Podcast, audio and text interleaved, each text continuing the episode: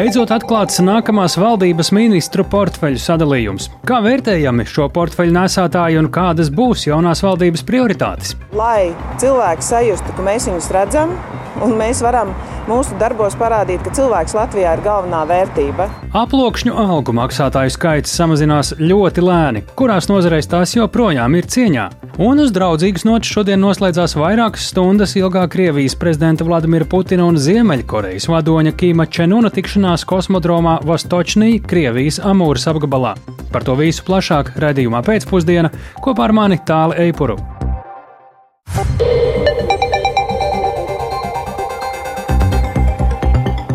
Ir 16,5 minūtes. Skan Latvijas radio pēcpusdienas ziņu programma, skaidrojot šodien svarīgus notikumus. Studijā Tālis Eipurs. Labdien! Zinām, ministri topošajā valdībā, ko saimā plānots apstiprināt šo piekdienu. Ar valdības sastāvu premjera amatam nominētā Evika Siliņa no jaunās vienotības ir iepazīstinājusi arī valsts prezidentu Edgars Rinkēviču. Informēti arī valdības sociālie partneri, kuri valdības deklarācijā ietvertos darbības virzienus jau nosaukuši par pārāk vispārīgiem un prasa nosaukt konkrētākus mērķus. Tāpat jau izskan asi iebildumi pret atsevišķām ministru kandidatūrām. Kā tas var ietekmēt nākamās valdības darba sākšanu? Vairāk klausāmies Jāņa Kīņša ierakstā. Jaunās vienotības politiķis Evikas Siliņas veidotajā valdībā visvairāk ministru - septiņi būs no jaunās vienotības. Finanšu ministra amatu saglabās Arvils Ašarādens, izglītības un zinātnes ministra būs Anda Čakša, bet tieslietu ministra Ines Lībeņegnere. Ārlietu ministra amatu ieņems līdzinējais premjers Krišjāns Kariņš, bet iekšlietu ministra amatā pēc dažu gadu pārtraukuma atgriezīsies Rihards Kozlovskis. Vides aizsardzības un reģionālās attīstības ministra būs Inga Bērziņa, bet par veselības ministru plānots apstiprināt parlamentārieti Hosamu Ādamu Abumerī. Zaļo zemnieku savienības pārstāvim Gunāram Kūtrim piedāvāts saimnes priekšādātāja amats, bet valdībā ZZS pārstāvēs četri ministri. Labklājības ministra amatā atgriezīsies Uldis Augulis, par zemkopības ministru piedāvāts kļūt Armāndam Krauzim, ekonomikas ministra amats uzticēts Viktoram Valēnim, bet Kasparu Melni virzīs uz klimata un enerģētikas ministra amatu. No partijas progresīvie par satiksmes ministru kļūs Kaspars Briškens, par aizsardzības ministru Andris Sprūts, bet par kultūras ministri Agnese Logina. Valdība saimā visticamāk apstiprinās ar 53 balsīm, vēl niecīgāku pārsvaru kā aizējošajai valdībai. Tas nav cerētais rezultāts un bija iespējas izveidot plašāku koalīciju, atzīst valsts prezidents Edgars Rinkēvičs. Tomēr pirms vērtēt jaunaveidojamo valdību viņš aicina sagaidīt konkrētus darbus. Beigās rezultāts nav ideāls, tālu nav ideāls, bet uh, valstī ir vajadzīga darboties spējīga valdība. Vērtēsim pēc reāliem darbiem, pēc kāda laika. Arī vakar apmeklējot balvu novadu, tiekoties ar iedzīvotājiem, es dzirdu vienu un to pašu. Tarifi, kredītmaksājumi, veselības aprūpas finansējums, skolu tīkls, ceļi. Atsevišķas nozares jau vērtē izraudzītos nākamos ministrus. Lauksaimniecības organizāciju sadarbības padomu uzskata, ka zemkopības ministra amata kandidāts Armāns Kraus orientējas visās lauksaimniecības apakšnodarbēs un spēšot darbu sākt uzreiz. Vienlaikus Latvijas vadošās vides un dabas aizsardzības un dabas ekspertu organizācijas iebilst pret citu ZZS kandidātu Kaspara Mēļņa izvirzīšanu uz klimatu un enerģētikas ministra amatu.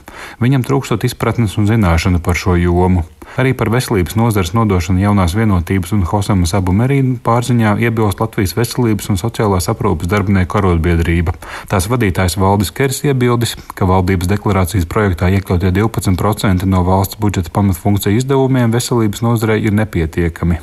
Tam nesteidz piekrist Latvijas Brīvā arotbiedrības savienības vadītājs Egils Baldzēns, kurš gan piebilst, ka sociālos partnerus valdības plānu definēšanā varēja iesaistīt arī ātrāk. Un galvenais jau ir finansējuma apmērs, kas būs veselībai.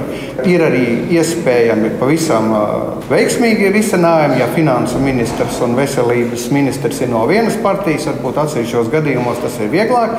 To re, mēs redzēsim tajā brīdī, kad tiks izskatīti valdības rīcības plānā konkrētie risinājumi par to to, kāda būs veselības aprūpas finansējuma modelis nākamajā gadā un vidējā termiņā. Nākamās valdības mērķus skaidrāk varēs izlasīt valdības rīcības plānā, kas gan vēl tikai taps.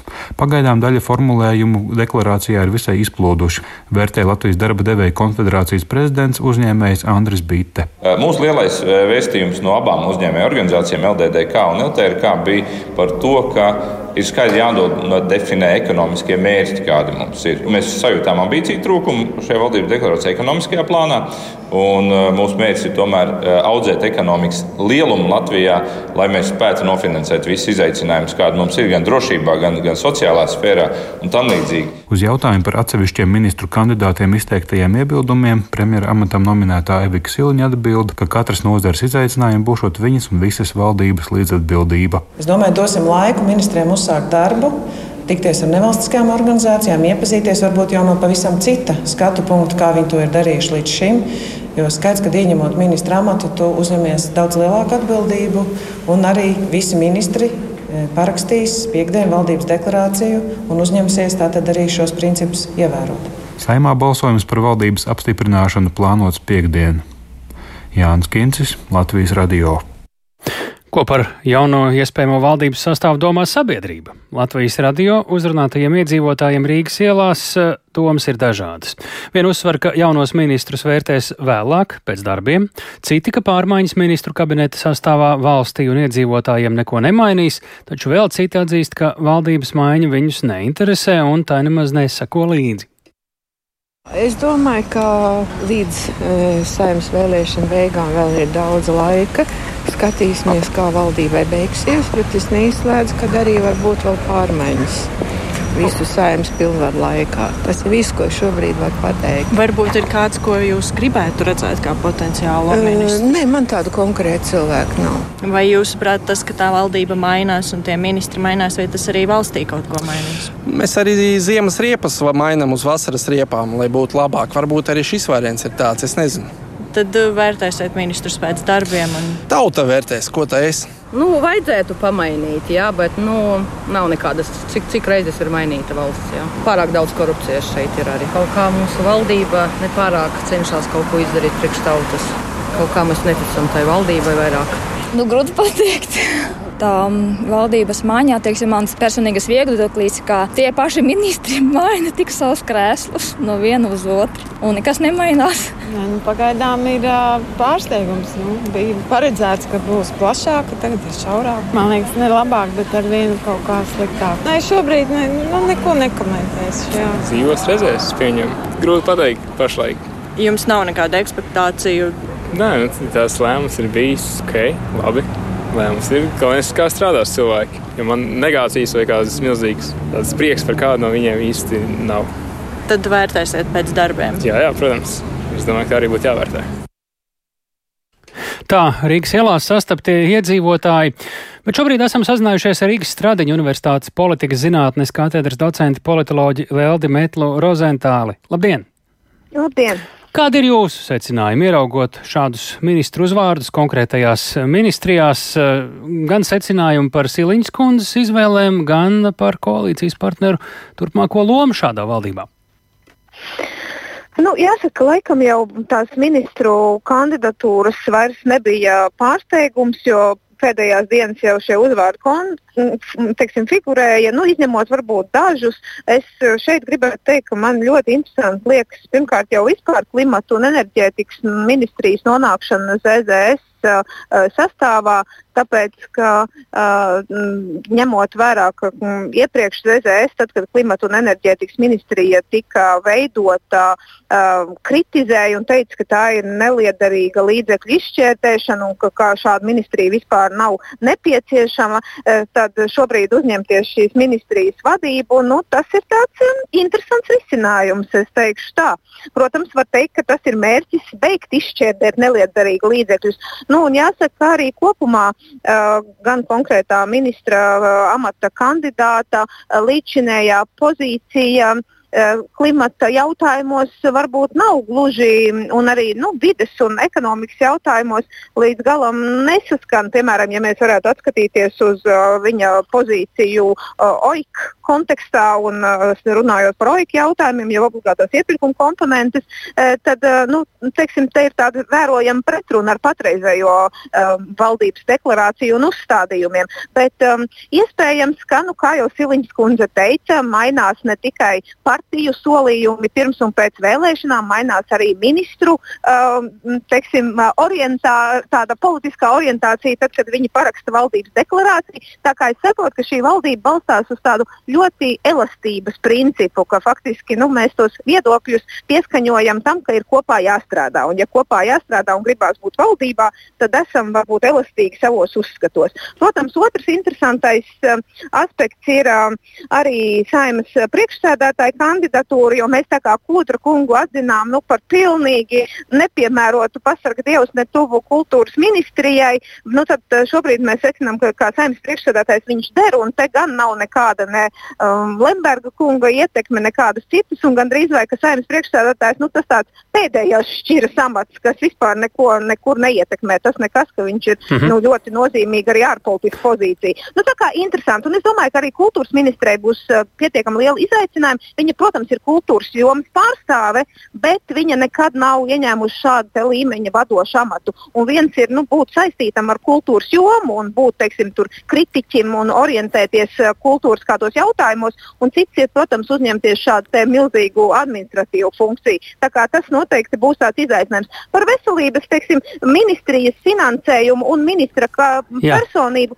es negribētu vilkt šīs paralēlas, jo es domāju, ka neatkarīgi no tā, kāds tur būtu uzvārds, nemainītos jau tas cipars tajā deklarācijā, kas ir ierakstīts. Tāpēc es domāju, ka patiesībā abu, abu Merija kungs nu, ir ar savu reputāciju cilvēks, kurš varētu um, nu, mēģināt uh, šo nozari Jā. atkal saliedēt. Es skatītos uz to pozitīvi šai gadījumā. Un pavisam īsi vēl noslēgumā ar tādu elastību, kā jūs pieminējāt un konstatējāt, uh, cik ilgs varētu būt šādas valdības mūžs?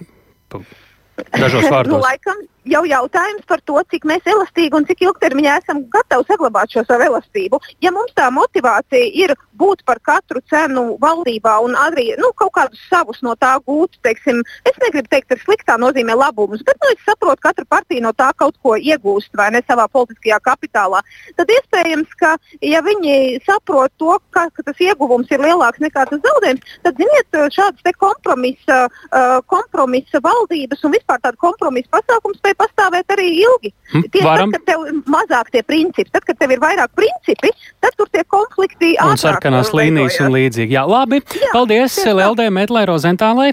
Tik tālu par valdības veidošanu, bet eh, šobrīd pievēršamies eh, nodokļu lietām mazumtirdzniecība, vairumtirdzniecība, transports un būvniecība. Tās ir nozares, kurās visbiežāk cilvēki saņem aplokšņu algas.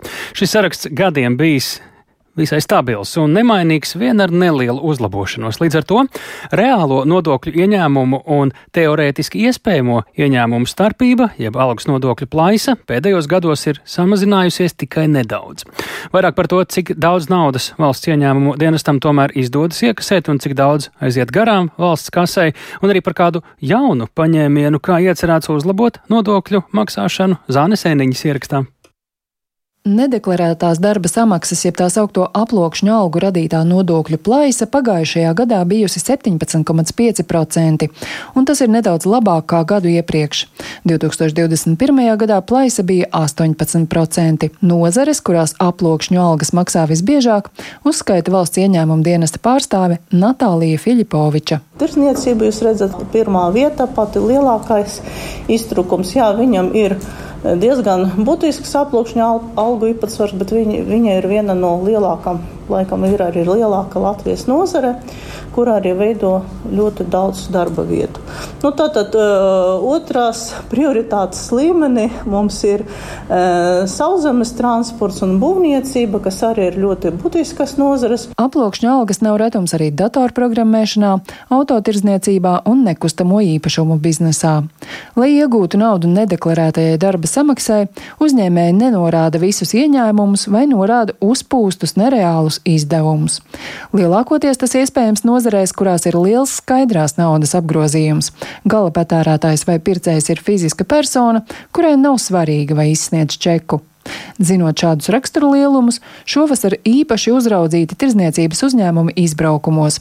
Gandrīz pusē pārbaudīto viss bijis kārtībā, bet par pārējiem stāsta valsts ieņēmuma dienesta pārstāve Santa Garanča. Viena daļa ir tāda, kas atbrauc uz turieni, viņi pat neņem līdzi kas saprāt. Nu, priekš kam ja reiz nav doma vispār viņu lietot. Nākamie, kas ir drusku piesardzīgāk, kas aparāts ir, bet nu, darbināt viņu nevajag, ja vien kāds uztaigi nepaprasa to čeku. Nākamais piesardzības līmenis ir tad, kad kases aparāts ir un čekus sit, bet aparāts nekur nav reģistrēts un viņš ir, var teikt, nelegāls. Ieņēmuma dienests konstatējis arī nelegālu alkohola tirzniecību, kas ir smags pārkāpums. Šādos gadījumos nekavējoties jākonfiscē visas preces un jāatņem licence, ja tāda ir.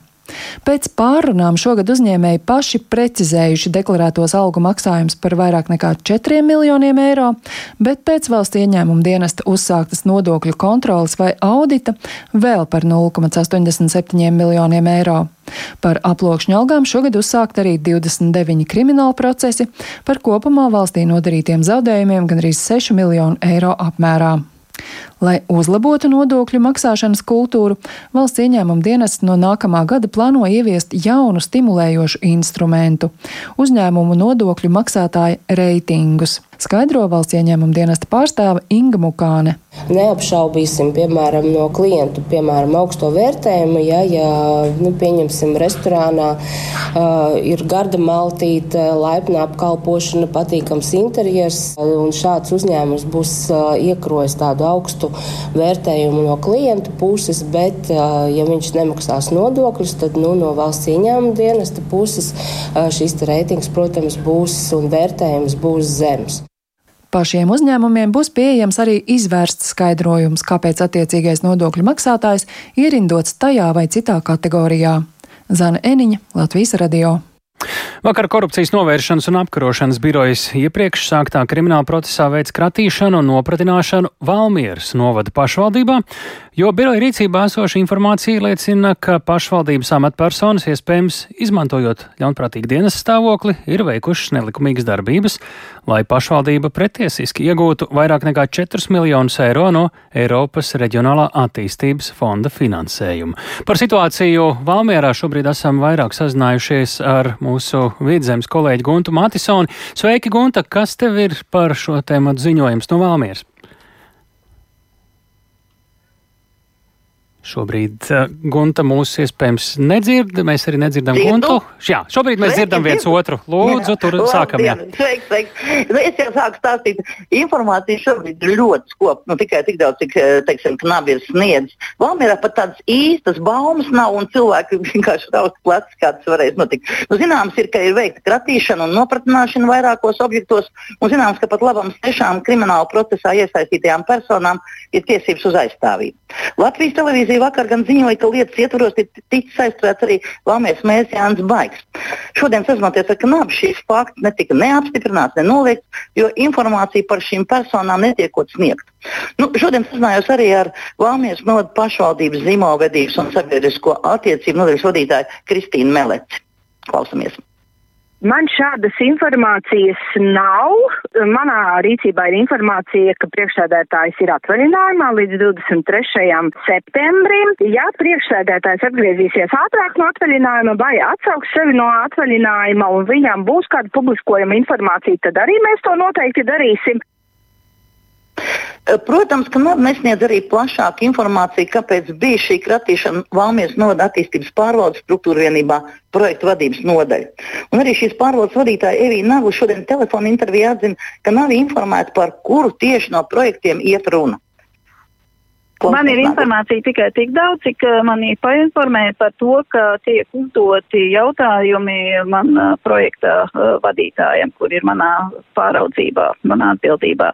Bet man kā attīstības nodaļas vadītājai nav, nav, nav tieši informācijas, par kuru projektu tiek uzdot jautājumu un par kuru tiek izrādīta interese.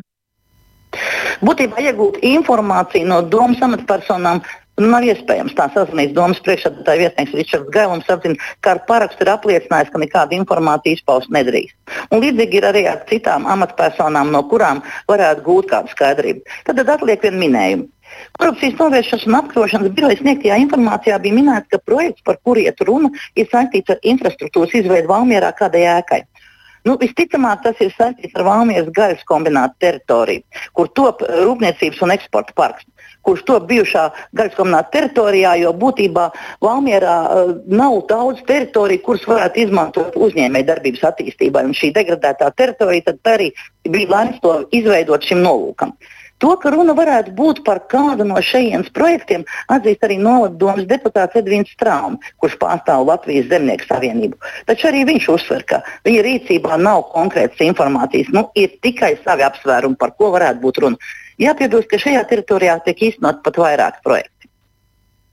Gaisa kombināta teritorijā tur bija vairāki projekti, tieši kohēzijas vairāk projekti. Viens bija, manuprāt, tieši revitalizācija, nojaukšana, sakārtošana, otrs bija ielas ceļa infrastruktūra, un trešais, manuprāt, bija šis uh, ražošanas angārs, par kuru no viņiem ir konkrēti interesi. Es to nemāku pateikt, nezinu, bet, uh, manuprāt, iespējams ir stāsts par to, ka uh, šo spēli var spēlēt ar tīrām kārtīm, var spēlēt spēlēt ar netīrām kārtīm. Bez labiem iespējams nodomiem, lai pašvaldībai vairāk piesaistītu Eiropas finansējumu un, un, kaut ko izdarīt labas lietas, mēs tomēr esam pacentušies un, manuprāt, ja tas tā ir, rezultātā tie zaudējumi būs daudz lielāki nekā, nekā šie iegūmi. Mērķis nebija sev kabatā iegāzt, mērķis bija pašvaldības konkrētās labāk nereiķinās ar to, ka varbūt, ka tu esi spēlējot ar netīrām kārtīm, tomēr kādai citai pašvaldībai jāizgaisa nepamatot priekšā un iegūst šo finansējumu. Un šī gadījumā domāju, es domāju, ka pašvaldībai, ja nāksies atmaksāt to Eiropas naudu, kas ir vismaz 50%, manuprāt, no kopējās tāmas, un tie ir miljoni, un vēl tad arī pašvaldība iespējams var izslēgt uz parentiem gadiem no dalības eh, nākotnes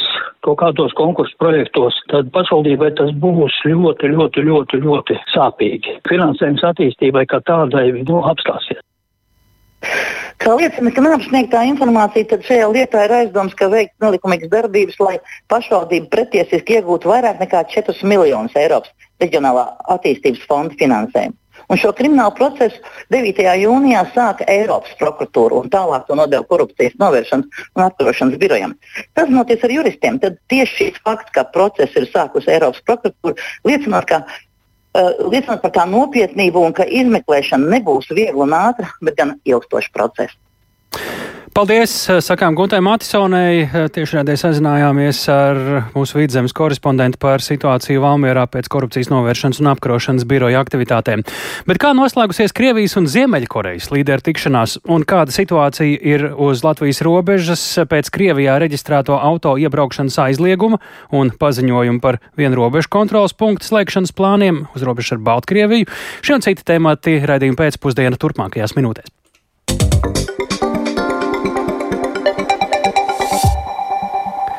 Liels uzsvars uz cīņu ar klimata pārmaiņām, bet gandrīz ne vārda par drošību. Tā īsumā varētu raksturot Eiropas komisijas priekšsēdētājs Urzuls Fonderlejenes šā gada uzrunu par stāvokli Eiropas Savienībā.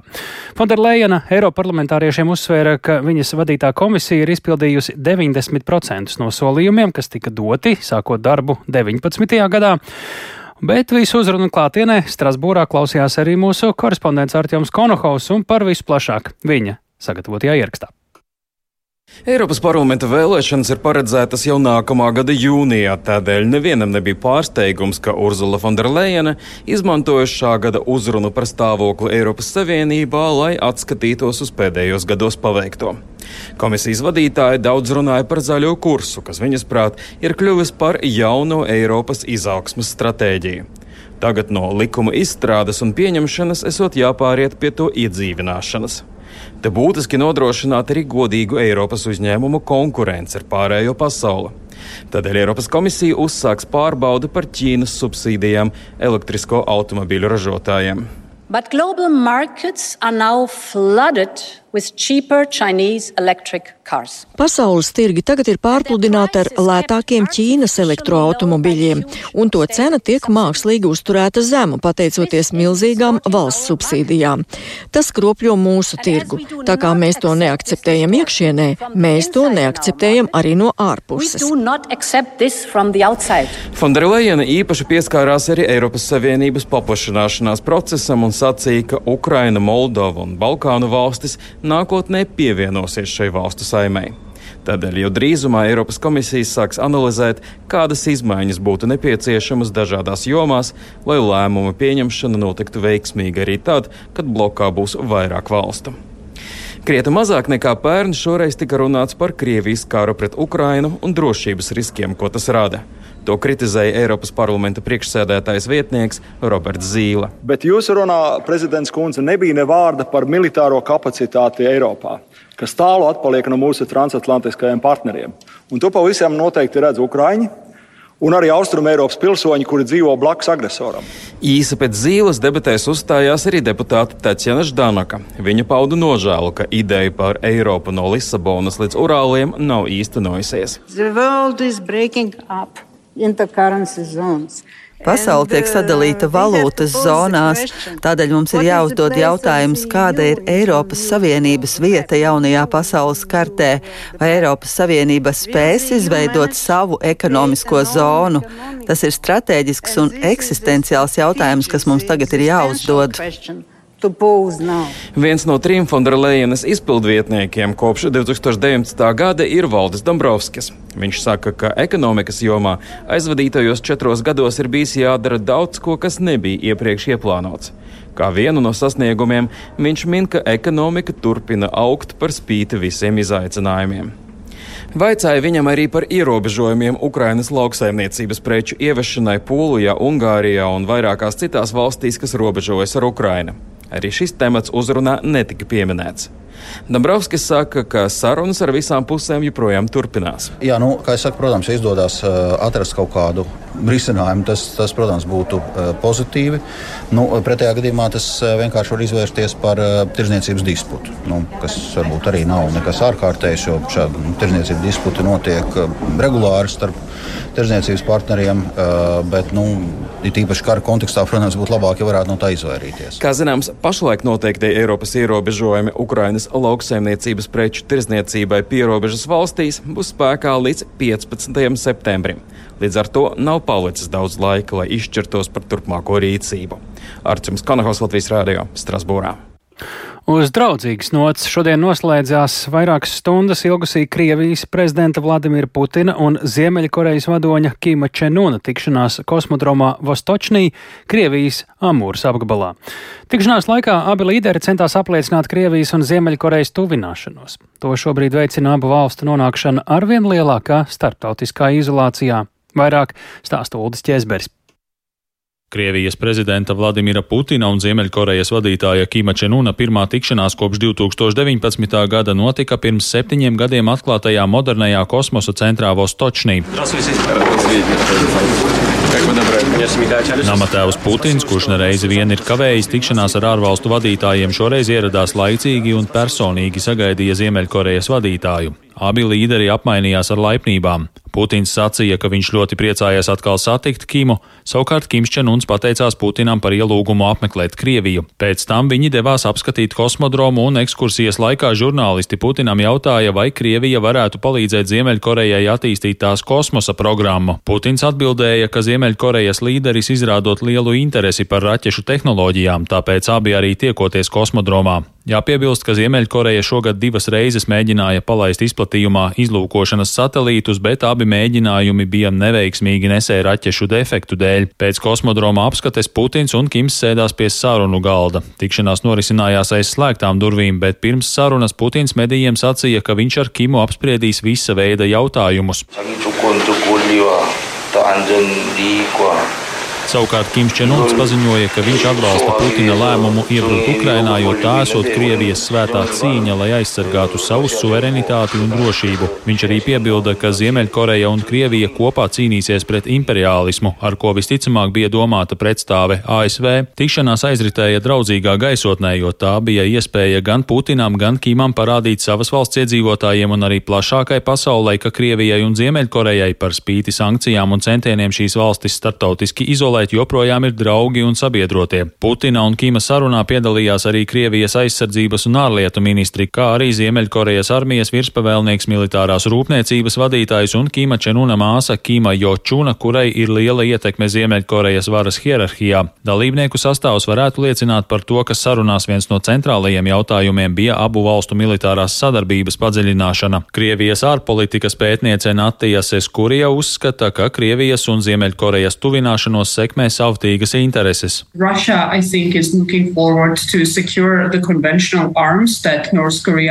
Krievija vēlas iegūt konvencionālos ieročus, kas ir Ziemeļkorejas rīcībā, tostarp artilērijas lādiņus un raķetes. Savukārt Kims Čenuns varētu lūgt praktisku humāno palīdzību, piemēram, pārtiku vai dažādas izaivielas, kā arī Kremļa politisko atbalstu, piemēram, apvienotajās nācijās. Phenjana arī cer, ka Krievija varētu palīdzēt attīstīt tās kodola arsenālu.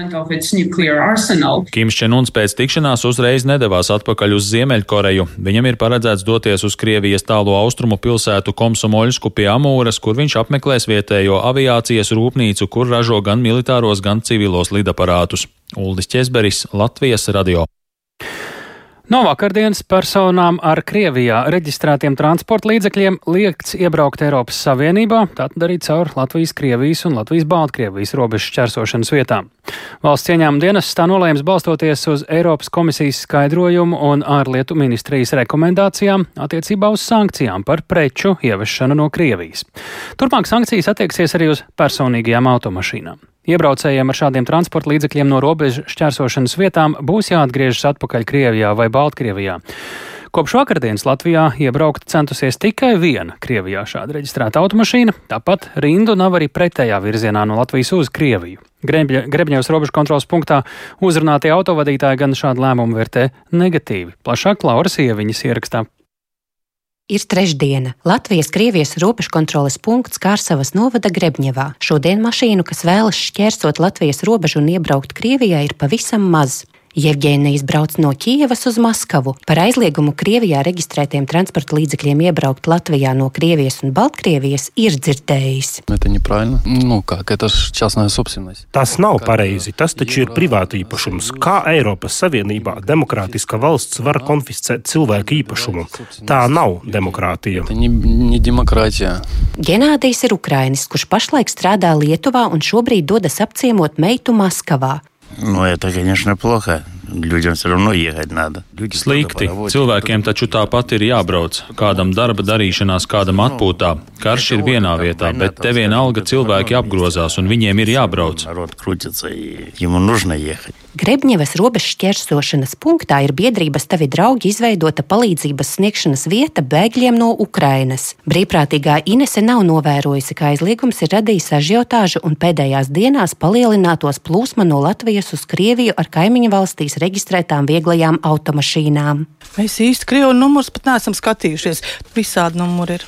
Krievu numuru mums šķiet, ka ir gana maz. Aizliegums Krievijā reģistrētiem transporta līdzekļiem iebraukt Eiropas Savienībā stājies spēkā kopš vakardienas pulkstens sešiem vakarā. Turpina muitas pārvaldes riska vadības daļas vadītājs Arturs Kovaļenko. Dienu iepriekš Lietuvā šāda praksa tika nodibināta, tika aizliegts. Un cik man ir zināms, Igauni kolēģi to sākuši implementēt šodien no rīta. Somija turpina pētīt. Artūrs Kavaļenko skaidro. Šāds lēmums pieņemts balstoties uz Eiropas komisijas nesen publicēto skaidrojumu par regulas panta piemērošanu attiecībā uz sankcijām par preču importēšanu no Krievijas. Visās dalībvalstīs, kurām ir robeža ar Krieviju un Baltkrieviju, šo normu bija interpretēta kā aizliegums attiecās uz komerciālu preču ieviešanu Eiropas Savienībā. Un kamēr nebija publicēts Eiropas komisijas skaidrojums, attiecīgi arī visi rīkojas. Līdz šim bija spēkā aizliegums Eiropas Savienības robežu šķērsot Krievijā reģistrētiem kravu pārvadātājiem, taču kopš vakardienas to nevar darīt arī privāto automašīnu īpašnieki. Pārējās preces, personīgās mantas jūs šobrīd nekontrolējat? Nu, mēs viņus kontrolējam tā kā arī iepriekš konstatējot, ka personai līdzi ir preces, kuriem iespējams ir komerciāla raksturs, noteikti sekos reakcija no muitas dienas puses. Līdz ar to, lai arī sankciju sarakstā iekļauti vairāki tūkstoši dažādu preču, savam patēriņam tās ievest nav aizliegts. Jāatzīmē, iepriekš vidēji mēnesī Latvijā iebrauca 500 Krievijā reģistrētas automašīnas. Kopš vakardienas 2018 tikai viena mašīna ir mēģinājusi iebraukt ar Krievijas numuriem, kuri arī tika atgriezti atpakaļ uz Krieviju. Šobrīd ierobežojumu šādu transporta līdzekļu izbraukšanai no Eiropas Savienības nav, tāpat to pārvietošanās Latvijas teritorijā nav aizliegta. Savukārt automašīnu konfiskācija iespējama tikai tad, ja persona uz robežas atteiksies pildīt muitas iestādes izpildes norādījumus, tajā skaitā doties atpakaļ uz Krieviju vai Baltkrieviju. Laurija Viņa, Latvijas Rādio studija Latgalē. Iebraukšanas liegums ar Krievijas numuriem nav vienīgais, vienīgās pārmaiņas uz austrumu robežu šajās dienās. Ņemot vērā Baltkrievijas īstenoto nelegālās imigrācijas spiedienu, iekšlietu ministrija vakar paziņoja, ka tiek plānots slēgt vienu no diviem Latvijas robežu punktiem ar Baltkrieviju - Silenes robežu punktu.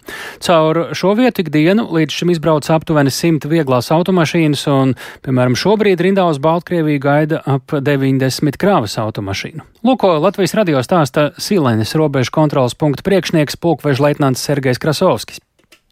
Par intensitāti runājot, vidēji septembra mēnesī pie mums šķērsoja robežu diennakts griezumā 160 kravas automašīnas, 290 vieglas automašīnas un kopējais skaits ir 900 personas. Mēs varam tātad primāri izdalīt trīs mērķus, ar kādu personu šķērso robežu - ardnieku apmeklēšanā, iepirkšanas un medicīnisks turisms. Lielākoties uz Baltkrievijas pusi. Ja mēs runājam par fiziskām personām, ja kas pārvietojas ar vieglām mašīnām, tas bija krāsi redzams augustā, kad bija slēgta robežu kontrols punkti uz Polijas, Baltkrievijas, Lietuvas, Baltkrievijas robežām. Un tad vieglas mašīnas plūsma pie mums krietni paaugstinājās, jo Baltkrievijā ir avio satiksme slēgta ar Eiropas valstīm. Un tad, tad Baltkrievijas valsts piedarīgie braucot uz Eiropas valstīm, ja, viņi plāno lidojumus vai nu no Rīgas lidostas, vai nu no Viļņas lidostas. Tā Silēnas robežu kontrols punkta priekšnieks Sergejs Krasovskis, viņš arī norāda, ka pēc robežu kontrols punkta slēgšanas personāls tiktu norīkots stiprināt zaļās robežas apsardzību un atbalstīt robežu apsardzības nodaļas. Ja valdībā nolems slēgt Silēnas robežu kontrols punktu, tad darbu joprojām turpinās punkts pāterniekos. Tas nozīmē, ka tad gan vieglajām automašīnām, gan kravas pārvadātājiem būs jārēķinās ar ilgāku laiku robežu šķērsošanai un garākām rindām. Turpina muitas pārvaldes Silēnas kontrols punktu virsrauks Jānis Meikšāns. Diennakts laikā šķērso aptuveni 170 kravas automašīnas, izbraucošās ir 95% ar kravām. Tie ir pārvadātāji, kas ir no Kazahijas, Kirgistānas, Latvijas un Lietuvas pārvadātāji. Ja tiks aizvērts Silnes robežu kontrolas plūsmas, tad pastiprināsies kravu plūsma patinieku robežu šķēršošanas vietā, principā pat dubultosies. Tātad, ņemot vērā Baltkrievijas īstenoto nelegālās imigrācijas spiedienu, iekšlietu ministrija vakar paziņoja, ka tiek plānots slēgt vienu no diviem robežpunktiem ar Baltkrieviju - Silens robežu punktu. Bet ASV Kino akadēmijas Oskara balvas konkurencē par labāko ārzemju filmu Latvija izvirzījusi Ilzes kungas Melgailas spēļu filmu Mana brīvība. Tā stāsta par Latvijai nozīmīgu vēstures periodu, atmodas laiku. Galvenās varonas prototyps ir Ita Kozakeviča, poļu izcelsmes sabiedriska darbiniece, filoloģe un arī tā laika politiķe. Turpina Nacionālā kinocentra pārstāve Kristīne Matīsa.